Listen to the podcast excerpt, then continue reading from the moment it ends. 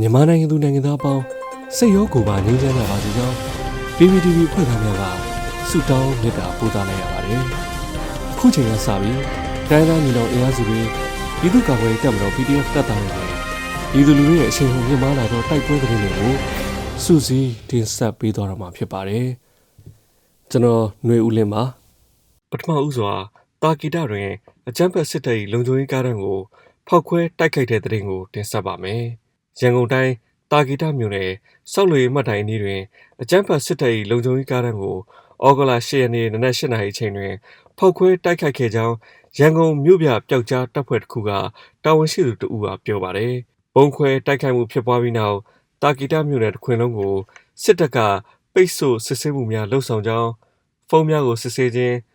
YBS ကားများပေါ်ပါတက်၍စစ်ဆေးခြင်းများလှုပ်ဆောင်ကြောင်းသိရှိရပါတယ်။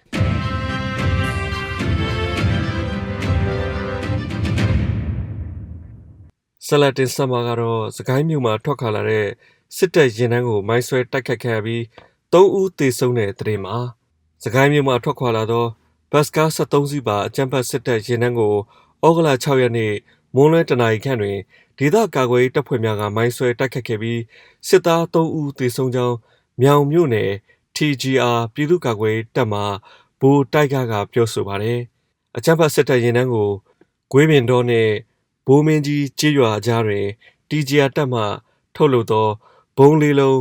စော်ဘွားကြီး MBTT ထုတ် မိုင်းတဲမမတလုံးတို့ဖြင့် ဖောက်ခွဲတိုက်ခိုက်ဖြစ်ခဲ့ပြီး စစ်သား3ဦးသေဆုံးကထိခိုက်ဒဏ်ရာရရှိသူများလည်းရှိကြောင်းသိရပါတယ်။ရင်းတိုက်ခိုက်မှုကို မြောင်မြို့နယ် TGR ပြည်သူ့ကာကွယ်ရေးတပ် 11 Brother ဘိုးတောက်ထွန်း MBTT စော်ဝါးကြီး MBTT အဖွဲ့တို့ ပူးပေါင်းတိုက်ခိုက်ခဲ့ခြင်းဖြစ်ပါတယ်။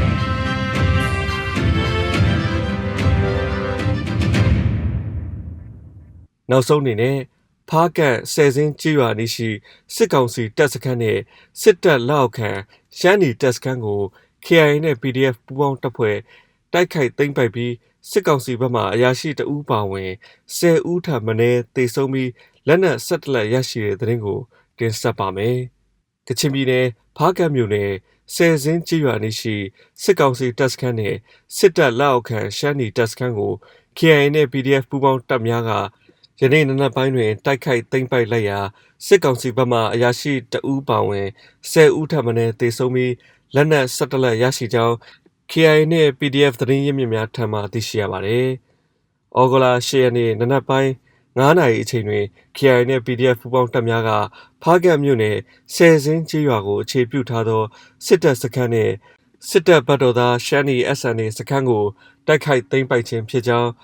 စစ်သားများနှင့်ရှမ်းနီတပ်များ တေဆုံးဒဏ်ရာရရှိမှုများစွာဖြင့်စခန်းကိုစုခွာထွက်ပြေးသွားကြောင်းသိရှိရပါသည်။အခြား KIA သတင်းရင်းမြစ်ကမူ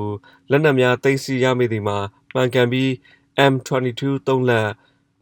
MA တလက် MA2 တလက် M23 ဆက်လက်တလက် M16 တလက်ပစ္စတိုတလက်60မမစိန်မြောင်းတလက် RPG တလက်စနိုက်ပါတလက်နဲ့လက်နက်ခဲယံဘုံဒီကြီးမျိုးစုံသိမ်းဆည်းရမိကြောင်း သိရှိရပါတယ်။